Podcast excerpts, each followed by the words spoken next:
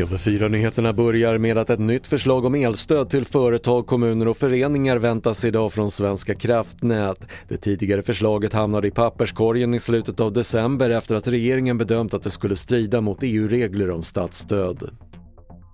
Två pojkar och en flicka vårdas på sjukhus efter en olycka med en A-traktor och en personbil utanför Hässleholm igår kväll. Två av dem är allvarligt skadade men det är oklart vad som orsakade olyckan och i nuläget finns ingen misstanke om brott. Regionernas slarv med att betala räkningarna i tid kostar skattebetalarna mer än en miljon kronor varje månad, rapporterar SR.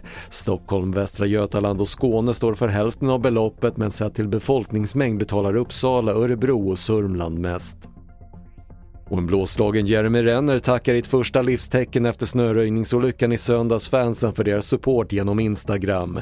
Skådespelarens tillstånd är fortfarande allvarligt men stabilt och han väntas bli kvar på intensivvårdsavdelningen en tid. Fler nyheter hittar du på TV4.se. Jag heter Patrik Lindström.